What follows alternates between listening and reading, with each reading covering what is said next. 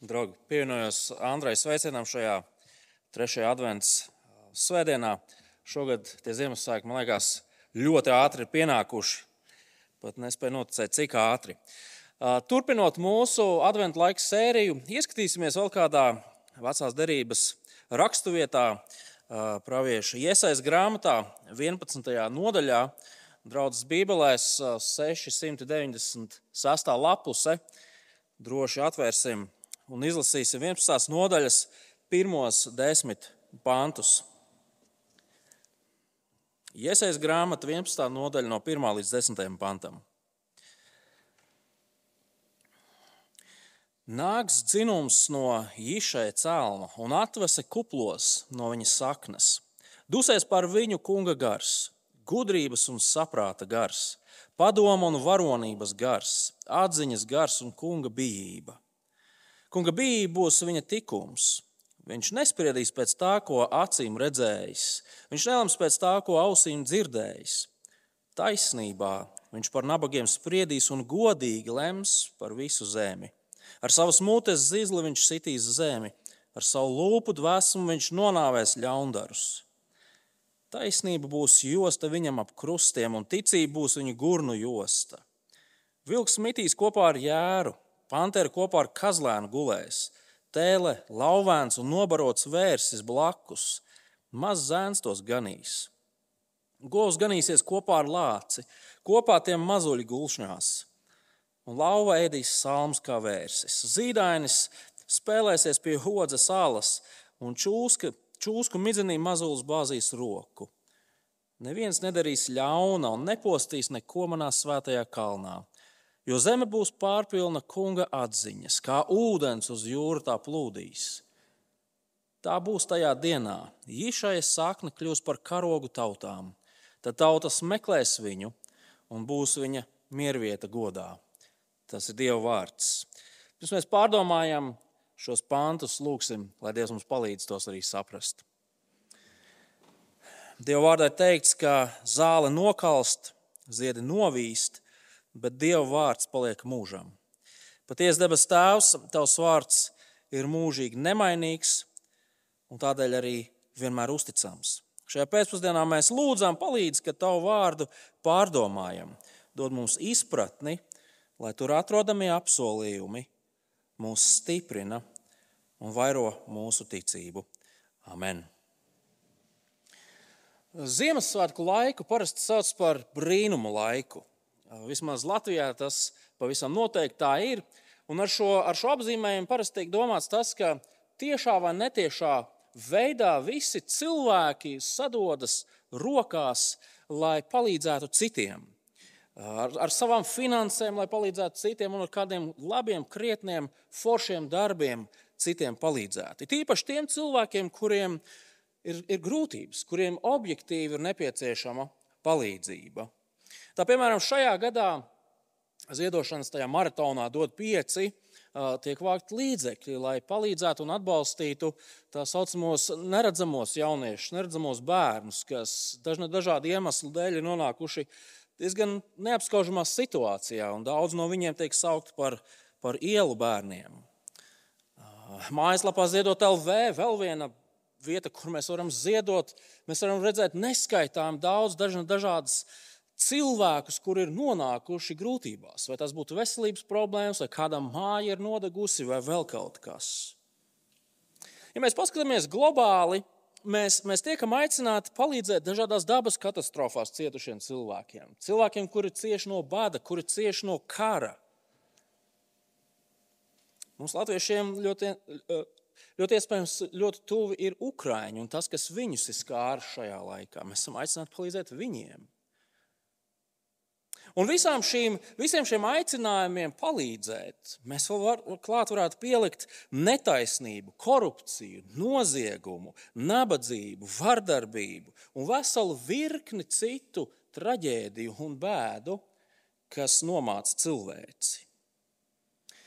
Jūs piekritīsiet, tajā brīdī, kad mēs paskatāmies, tad, tad tiešām paskatāmies ar atvērtām acīm uz pasauli, kurā mēs dzīvojam, tad tā, tā realitāte ir diezgan padrūma, pareizi. Es nesaku to, ka šajā pasaulē nav foršas lietas. Ir foršas lietas, un mēs varam priecīgi baudīt daudzas labas lietas. Taču šai realitātei ir tās divas puses. Tā foršā, priecīgā un tā, kur ir smagi, kur ir grūti, kur ir vajadzīga palīdzība. Un tādēļ mums, kā cilvēkiem, arī mums, kā kristiešiem, ir milzīgs prieks par katru iniciatīvu. Vai tā būtu kāda individa eh, aizsākta iniciatīva, vai varbūt tās vairāki kopā kaut ko dara, vai valsts līmenī, vai pat globāli, kur mēs cenšamies palīdzēt, palīdzēt tiem, kuriem reāli ir vajadzīga palīdzība.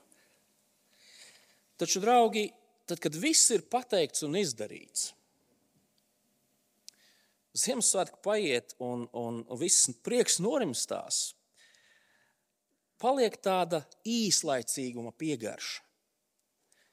Mēs atrisinām vienu lietu, tas vietā nāk trīs citas. Šī īslaicīguma piegarša, un tādēļ mēs varam uzdot jautājumu, vai vispār kaut kādā veidā šo lietu var vērst par labu, nu tā pa īstām. Lai mums nebūtu mājaslapas ziedot LV, piemēram.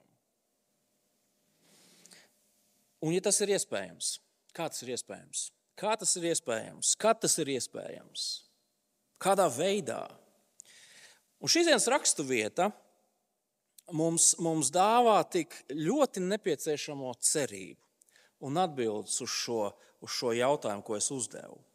Un, un šī raksturvieta mūs aicina novērst mūsu skatienu no cilvēkiem, no cilvēku radītām organizācijām, iestādēm, valdībām un pievērst skatienu vienai personai, kas ir vienīgā, kas spēj atrisināt to, kas ir jāatrisina. Tā pa īstām paliekoši atrisināt.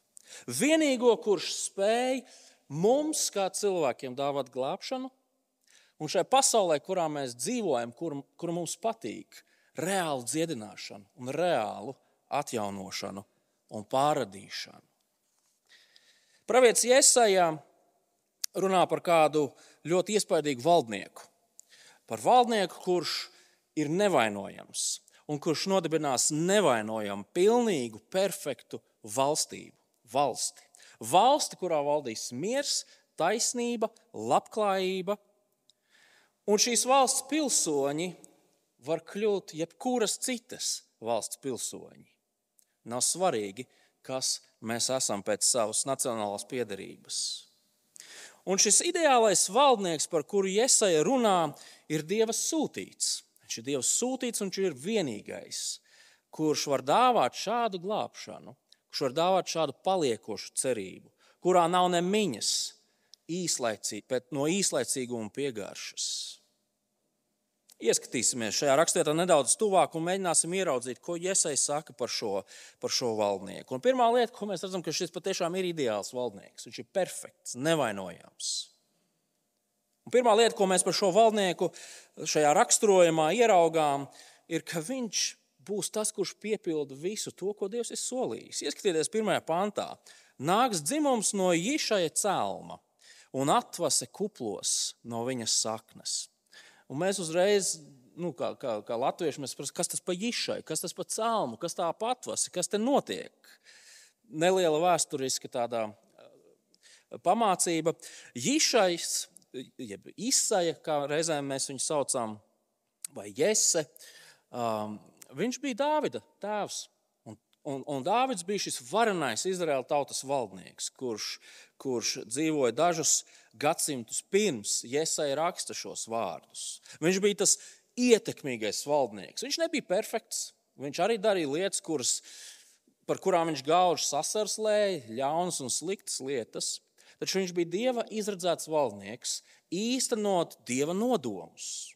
Un tieši to viņš arī darīja. Un dievam attiecībā uz Dāvidu bija kāds daudz, daudz lielāks nodoms nekā parūpēties par viņa valdīšanu tik ilgi, kamēr Dāvids dzīvoja. Nē, ieklausieties apsolījumā, ko Dievs Dāvida slavas zenītā viņam deva. Un šis apsolījums tiek izteikts 2. samuēlā grāmatā, 7. nodaļā, 12, 13 pāns un arī 16 pāns. Dievs caur pravieti Dāvidam saka, ka tavs dienu skaits būs pilns, tu iesi pie saviem tēviem Es celšu tev pēcnācēju, kas no tevis paša dzimis. Es nostiprināšu viņu valdīšanu. Viņš uzcels namu manam vārdam, es nostiprināšu viņu valsts troni uz mūžiem. Tavs nams un tava valsts pastāvēs mūžīgi manā priekšā. Tavs tronis būs stiprs uz mūžiem. Mēs redzam divas lietas.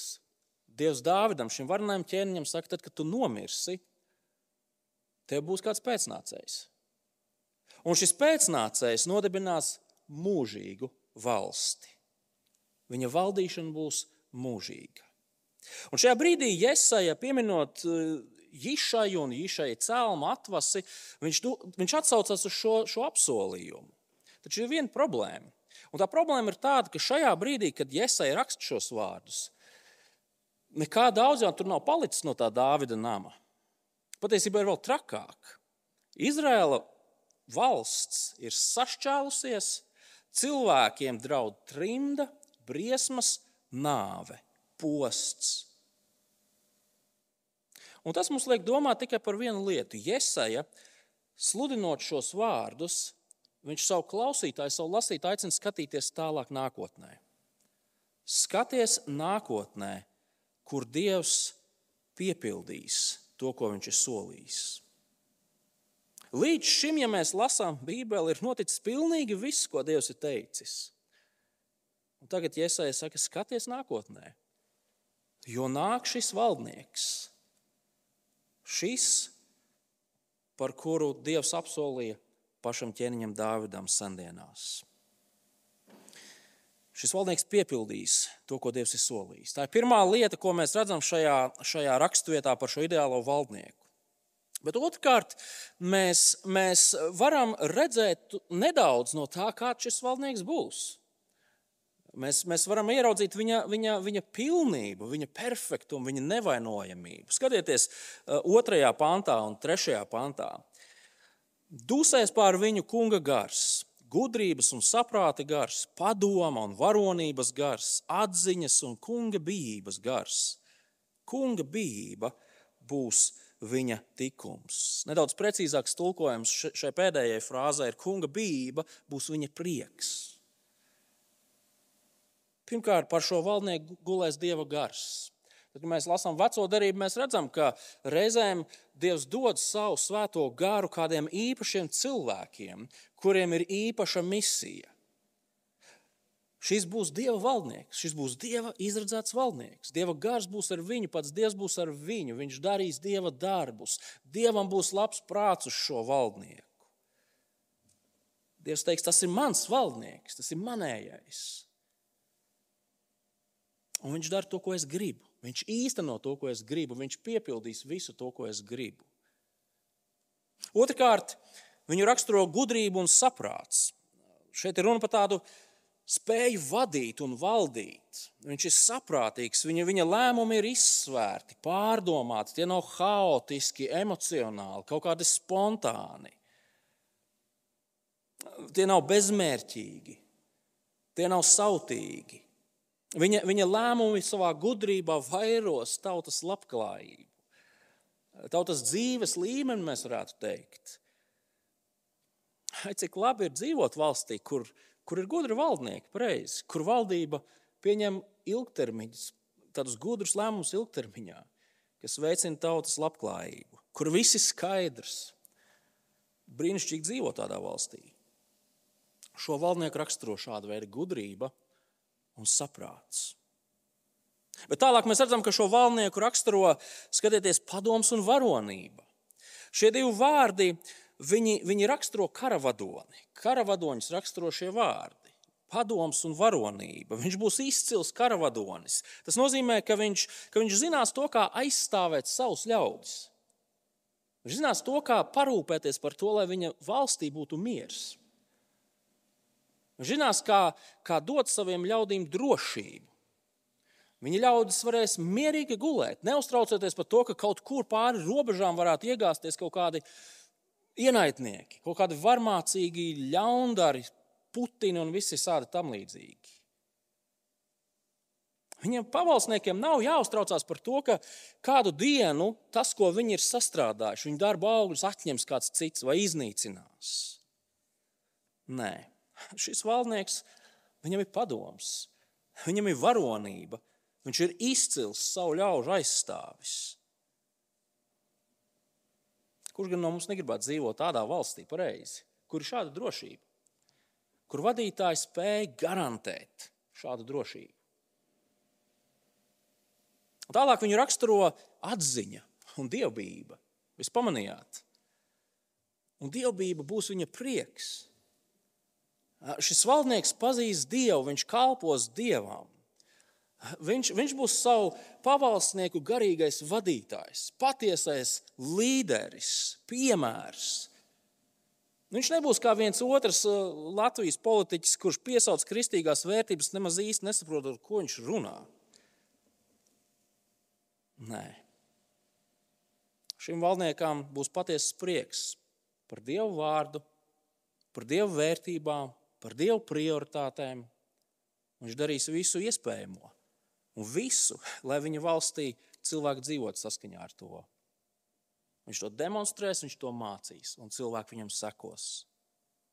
Lūk, kā izskatīsies šis valdnieks, par kura nākšanu runā pravietis. Viņš būs gudrs, saprātīgs, varonīgs, dievbijīgs, ar atziņu, ar padomu, un pats Dievs būs ar viņu. Bet treškārt, ieskatieties, kā tiek raksturot viņa valdīšana, tas, kā tad viņš valdīs. Ieskatieties, 3. panta, otra daļa līdz 5. pantam. Šis valdnieks viņš nespriedīs pēc tā, ko acīm redzējis. Viņš nelems pēc tā, ko ausīm dzirdējis. Taisnībā viņš par nabagiem spriedīs un godīgi lems par visu zemi. Ar savu lūpu dvēsmu viņš nonāvēs ļaundarus. Taisnība būs josta ap viņa krustiem, un uzticība būs viņa gurnu josta. Pavisam vienkārši šī, šī ideālā valdnieka valdīšana raksturos taisnība. Vairs nebūs cilvēki, um, kuriem ir pazīšanās, kuriem ir līdzekļi, kuriem ir kaut kāda vara, lai izvairītos no taisnības. Gluži pretēji, pat visnabadzīgākais šīs valsts iedzīvotājs, tam, kuram nav nekapeiks pie dvēseles, varēs būt drošs par to, ka viņa valdnieks viņam dos taisnību. Taisnīga tiesa, pilnā mērā. Un es domāju, ka mēs jau visi ilgojamies pēc tādas valsts pareizi, nu, kur reāli ir taisnība, kur mēs varam paļauties uz to, ka visi spriedumi īstenosies tā, kā tiem ir jāīstenojas. Kur, kurā, kurā tiesu vara ir taisnīga, godīga un drosmīga. Kur ļaundars nevar paslēpties aiz savas naudas, aiz saviem blatiem, aiz visa pārējā. Un šis valdnieks būs uzticams. Ne tikai taisnīgs, bet arī uzticams. Ko tas nozīmē? Tas nozīmē to, ka vīrs un vārds cieti. Tas, ko viņš pasaka, to viņš izdara. Un ne, ne tādā veidā, kā reizēm mēs sakām, nu, cilvēkam ir laba griba. Viņš ir uzticams, bet nu, neko daudz viņš tur nevar izdarīt. Nē, šis valdnieks ir uzticams, viņam ir laba griba, un viņam ir absolūta vara izdarīt to, ko viņš grib izdarīt. Taisnīgi izdarīt. Iesai runā par, par dienu, kad nāk šāds valdnieks. Eh, un mēs visi gribam teikt, nāc, valdnieki. Tiešām mēs gribētu tādu valdnieku, tādu, tā, tādu valdību zemē, kurā mēs dzīvojam. Par mums teikt, tas nav slikti. Kurš negribētu tādā valstī dzīvot? Pie tāda valdnieka. Bet iesai vēl nav beidzis. Jo tālāk, nākamajos pantos, iesai apraksta to, kāda tad ir Kāda tad izskatīsies tā pati valsts, pār kuru šis valdnieks valdīs? Mēs varam ieraudzīties pa tādu durvju šķirbiņu šajā valstī, un mēs redzam, ka arī tā ir ideāla valsts. Izlasīsim no 6. līdz 9. pantām. Vilks mitīs kopā ar jēru, pantera kopā ar kazlēnu gulēs, tēle, lauvēns un nobarots vērs blakus. Maz zēns tos ganīs.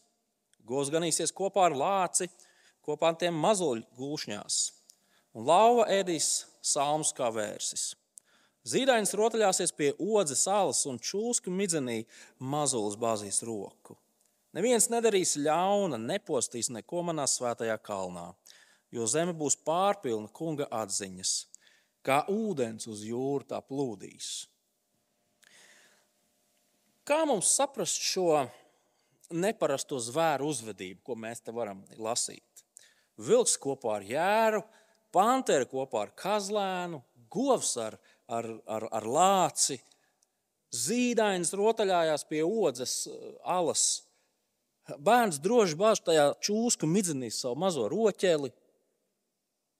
Nu, iedomājieties, ka jūs dodaties uz Rīgas zooloģisko dārzu. Tāpēc šodien tur nevar iet, esot ciet.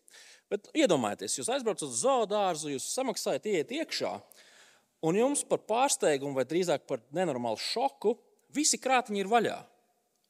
Visi krātiņi ir vaļā, un, un zoodārza darbinieki ņem nost visas barjeras, visus režģus, visus būrus demontē. Un vēl vairāk, visi dzīvnieki zooloģiskajā dārzā, viņi, viņi uzvedās tā kā Nu, es nezinu, tā kā tādā jaukā bērnu multinītē, kur viņi visi danco ap, ap nezinu, ugunskura vai ko tur. Apelsīnu grib sadalīt. Kādas tās multens, es, es neskatos viņas pārāk bieži. Ko, ko jūs domājat par to?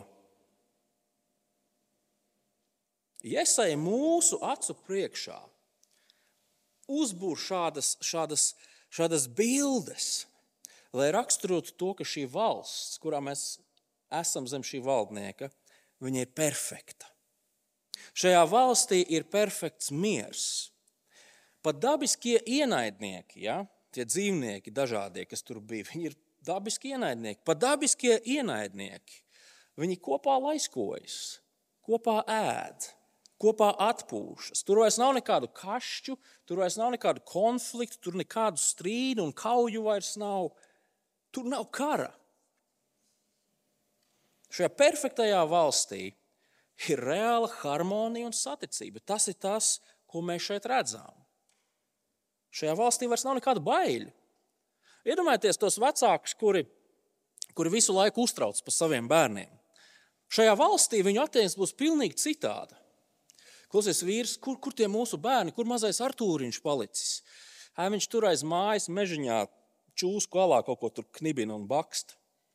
Kur, kur, kur mazais Valdemāriņš palicis? Ai, viņš tur to lielo vērsi aiz aukliņas ved ciemos pie lāča un lauvas. Huh, ai, tad jau viss kārtībā. Viņi ir drošībā. Lūk, kā tur būs tajā valstī. Iedomājieties, kāda būtu dzīve valstī, kurā mēs vairs neuztrauktos par to, ka kāds mums varētu nodarīt pāri. Kāds mums varētu izdarīt kaut ko ļaunu. Valstī, kurā mums nekad vairs nevajadzētu uztraukties un raizēties par saviem mīļotajiem cilvēkiem, ka ar viņiem kaut kas varētu atgadīties. Valstī, kurā mums nevajadzētu uztraukties par mūsu īpašumu, par to, kas mums pieder. Kas tā būtu par dzīvi? Man ir jautājums, vai tas, ko mēs šeit nu pat izlasījām, mums kaut ko neatgādina? Un atbilde ir ēdens dārzs. Iesais aprakstītā ideālā valsts, valdnieka, ideālā valsts līdzinās ēdens dārzam pirms grēkā krišanas. Ēdens dārzs bija šī, šī pārpilnības un dzīvības pilnā vieta. Šajā vietā nebija kāru, konfliktu, kašķu, ienaidu. Tā bija vieta, kur nebija netaisnība, ļaunums, zādzības, slepkavība, meli. Tur nebija krāpšana, tur nebija kukuļdošana, kukuļņemšana. Turklāt tā bija vieta, kur, kā Iesai saka, zeme būs pārpilna kunga atziņas, kā ūdens uz jūru tā plūdīs. Mēs redzam, ka šīs ideālās valsts Brīnišķīgās pilnības un labklājības noslēpuma atslēga ir kas? Ir tas, ka šeit visi pazīst Dievu un dzīvo saskaņā ar viņa gribu. Tā ir vieta, kur Dievs ir kopā ar saviem ļaudīm. Man patīk tas, kā Iesaja to apraksta. Viņš saka, ka tā, tā Dieva atziņa būs tik daudz, nu kā, kā tās, tās mazās upītes, kas kūstot sniegām, pāri plūst Un viņas pievienojas lielākām upītēm un lielākām upītēm, un tā visa ūdens masa gāžās pretī jūrai. Lūk, tā tur būs ar dievu atzīšanu. Kas par pārpilnību? Ideāls valdnieks, kura valdīšana, kura perfektā valdīšana atjaunos ideālo paradīzi. Ēdens dārsts, to, kas sen ir zudis, un nobeigumā vēl odziņa. Šis valdnieks Un šī valsts attiecas uz visām pasaules tautām. Nevis uz kaut kādu vienu īpaši izredzētu tautu, ne uz visām. Uz visām cilvēku grupām. Ieskatieties, desmitajā pantā. Tā būs tajā dienā, ja šai sakne kļūs par karogu tautām. Tad tautas meklēs viņu un būs viņa miervieta godā. Šis, šis īsaja pēcnācējs, viņš tiks pacelts kā tāds karoks, mastā, kā, kā tāds signāls, ko redzēs tautas. Un tautas nāks pie viņa. Es nezinu, varbūt jūs esat redzējuši, šeit tad vasarā vecrīgā ir tās turistu grupas, un, un tur ir gidi. Un gidiem parasti rokās ir kaut kādi oranži karogi vai, vai lietus sargi. Un tad tie, tie turisti viņi tādi nedaudz tādi apmulsuši, tur staigā, kaut ko knipsē ar fotoaparātiem. Un ik pa laikam gids paceļ to karogu, nu, to, to lietus sargu un visi tie uh, opīši un omīts un pārējie saplūst pie viņa un klausās, kā mazi bērni, ko lielais tēcis stāstīs. Uh, šis valdnieks būs līdzīgs kā šis, šis gids ar to karogu rokā, ar to lietus sargu. Taču tā atšķirība ir tāda, ka šis valdnieks nesniegs kaut kādu informāciju. Draugi, nākamā gada mums teikt, minimāla alga tiks pacelta, bet tā viņš nedarīs. Tā vietā viņš ir kā karoks, pie kura pulcēsies cilvēki. Nevis lai iegūtu kaut kādu elementāru informāciju, bet lai Kristu viņa priekšā zemē zvērot uzticību. Lai atzītu to, ka viņš ir valdnieks, lai zvērētu savu lojalitāti, lai apliecinātu šī valdnieka varu, spēku, godību, valdīšanu Un, draugi, tās ir ļoti labas ziņas mums. Mums nav jābūt ebrejiem, vai mums nav jābūt pat latviešiem vai vēl kādas tautības pārstāvjiem, lai šis attiektos uz mums. Šis valdnieks un tas, ko viņš piedāvā, ir pieejams pilnīgi visām tautām, pilnīgi visām nacionālitātēm. Draugi, bet tas viss mums liek uzdot vienu svarīgu jautājumu. Kad? Kad nāks šis, šis īšaja celms, kad viņš nāks un kad viņš atnesīs šo, šo, šo, um, šo valstību? Kas viņš vispār tāds ir? Un, protams, ka šis pravietojums piepildās uh, Jēzu, Jēzus Kristus personā un viņa darbā. Viņš ir šis valdnieks, kurš, kurš kādu dienu atnesīs šo ideālo valsti. Īšai atvase ir Jēzus Kristus. Uz brīdi atvērsim Mateja evaņģēlīju. Pavisam īsu brīdi. Mateja evaņģēlijas. Un ieskatieties, kā Mateja evaņģēlijas sākas. Šā pirmajā pantā Matejs raksta Jēzus Kristus, Dāvida dēls, Dāvida dēla, Ābrahama dēla ciltsraksti. Matejs līdz ar pirmo pantu savā evaņģēlijā pasaka, ka šis Jēzus Kristus ir Dāvida dēls, proti, Jišaja cēlma atvase. Viņš ir tas, kurš piepildīs visu šo. Un patiesi, lai arī Jēzus ienākšana šajā pasaulē, viņa bija absolūti tāda, tāda necila, nekā īpaša. Taču, ja mēs lasām Mateja evaņģēlī, tas, ko mēs redzam, mēs redzam valdnieku darbībā. Vismaz noteiktu brīdi. Ja? Mēs redzam, tādu spēku demonstrāciju. Mēs redzam to, kā viņš māca. Viņš māca tā kā neviens. Viņš, viņš dziedina, viņš glābi, viņš atjauno, viņš izdzen ļaunumu, viņš augšām ceļ dzīvībā, varants valdnieks darbībā. Tas ir tas, ko mēs redzam. Un cilvēki ir aizgrābti. Viņus aizgrābj tas, ko viņi redz. Tad šajā brīdī kāds varētu teikt, Klausies, Mārtiņ, nu paskaties vienkārši ārā uz, uz ielas. Nu, tā burtiski, bet vispār, nu paskaties pasaulē, kas notiek. Kur, kur tad ir šī varenā, perfektā valsts, par kuru mēs pirms brīža runājām. Jēzus ir atnācis. Liekas, ka tūlīt lietas pacelsies gaisā, viss aizies uz urā. Bet nav taču. Kur tas viss ir? Un virspusēji skatoties, mēs varbūt tā arī varētu domāt. Taču mēs tā varam domāt tikai tādēļ, vien, ja mēs nesaprotam, kāpēc Jēzus nāca pirmo reizi. Jo redziet, Jēzus nākšana pirms 2000 gadiem, piepildot daudzus apsolījumus no vecās derības, vēl nepiepildīja visus apsolījumus. Bet Jēzus nāca ļoti konkrēti iemeslu dēļ. Viņš nāca, lai tiktu galā ar šo cilvēku vislielāko problēmu. Redziet, kādēļ cilvēki pazaudēja ēdienas dārzu? Kādēļ viņi pazaudēja paradīzi? Kādēļ mēs dzīvojam tumšā pasaulē? Nu, šeit Latvijā mums tā tumsa ziemā ir neizbēgama, bet kāpēc mēs dzīvojam morāli kritušā pasaulē, salauztā pasaulē, kur mēs piedzīvojam ļaunumu tā dažādās izpausmēs? Mēs zinām, kāpēc. Grēkā krišana. Grēkā krišana. Un grēks mūs ne tikai salauž visu tur, kur mēs esam, ne tikai salauž mūs pašus, bet nošķir no Dieva. Nošķir no Dieva. Un, ja mēs esam šķirti no Dieva, mums nav cerības ieiet šajā perfektajā pasaulē, šajā brīnišķīgajā valstī. Un tieši tādēļ Jēzus nāca pirms 2000 gadiem. Un tas ir tas, par ko mēs Ziemassvētku dziesmās dziedam. Par bērniņu, kurš piedzima izauga, cieta, tika sists krustā, augšām cēlās. Kāpēc? Tāpēc, lai samaksātu par mūsu grēkiem. Lai izdzēstu to milzīgo nastu, kas mūs šķir no Dieva. Un tādējādi, draugi, viņš panāk to, ka mums ir iespēja ieiet viņa valstī. Kad tas notiks, mēs precīzi nezinām.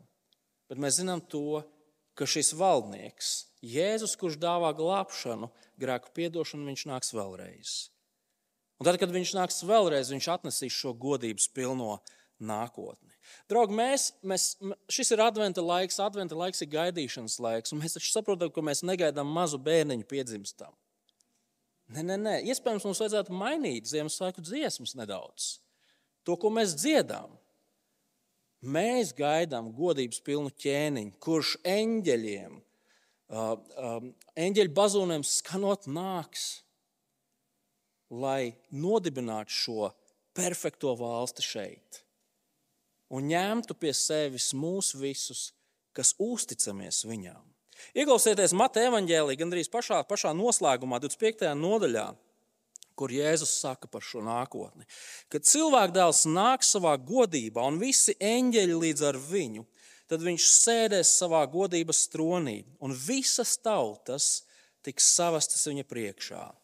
Viņš tās šķirs kā gans nošķir avis no āžiem, un nostādīs avis sev pa labo roku, bet āžus pa kreiso. Tad ķēniņš sacīs tiem, kas pa labi: Jūs, mana tēva svētītie, nāciet!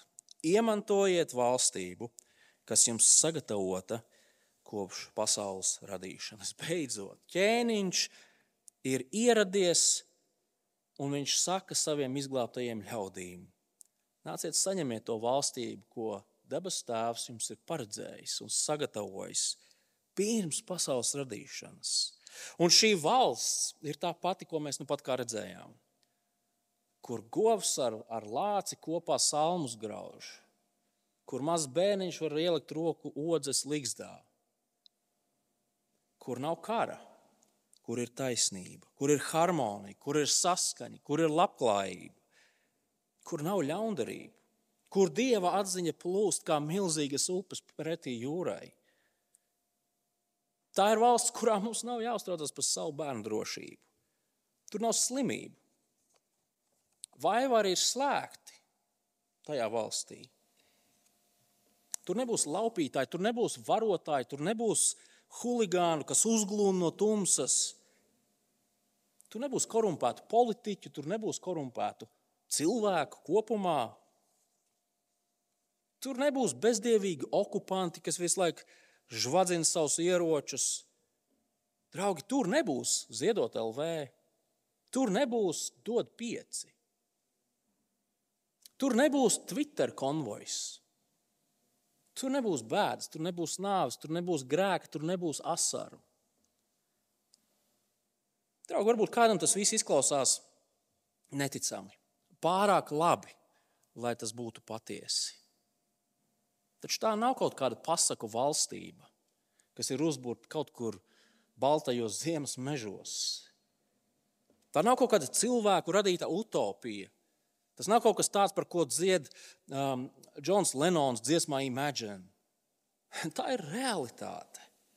Tikpat reāli un tikpat vēsturiski, kā Kristus piedzima Betlēmē pirms 2000 gadiem tikpat reāli un vēsturiski viņš nāks otrais, lai īstenotu šo. Un tā ir ārkārtīgi laba, liela un svarīga patiesība, ko mums ir jādzird un kas mums sev ir jāatgādina. Ja esi kāds, kurš, kurš sevi nesaukt par kristieti, šī raksturvieta īstenībā ir tāds milzīgs aicinājums un vienlaikus brīdinājums. Mēs redzējām, ka kādu dienu pilnīgi visi ceļi locīsies šī valdnieka priekšā. Tas lielais jautājums ir tikai kādēļ? Vai tu locīsies viņa priekšā tādēļ, lai priekā un pateicībā apliecinātu savu uzticību viņam? Vai tu locīsies tādēļ, ka tu esi pelnījis saņemt sodu? Tādēļ, ka mēs esam ignorējuši viņu. Savukārt mūsu kristiešus šis vēstījums mūs stiprina, viņš mūs iepriecina. Tas mums atgādina un palīdz ieraudzīt realitāti tādu, kāda tā ir, bet nekrist izmisumā.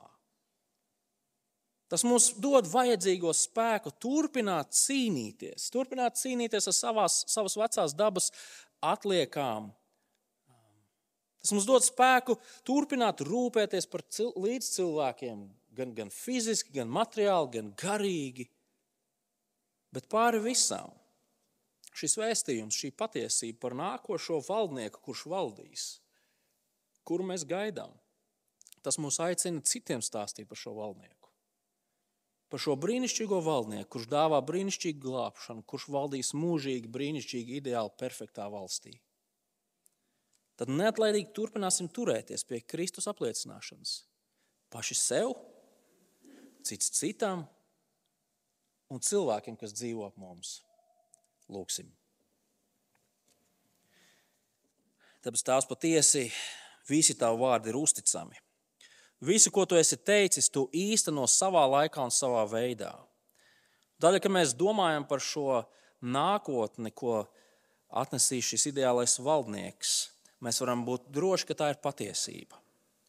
Un mēs lūdzam šajā dzīvē un arī šajā laikā, dzīvojot Tēvs, dod mums spēku, pārliecību, drošību, žēlastību, visu pārējo, kas mums ir nepieciešams, lai mēs varētu turpināt turēties pie Tevis, pie šī apsolījuma. Un vēl vairāk, lai mēs, lai mēs kā tādi ubagi, kas ir atraduši ēdienu, varētu vest citus pie šī, šī ēdiena, kas dāvā dzīvību.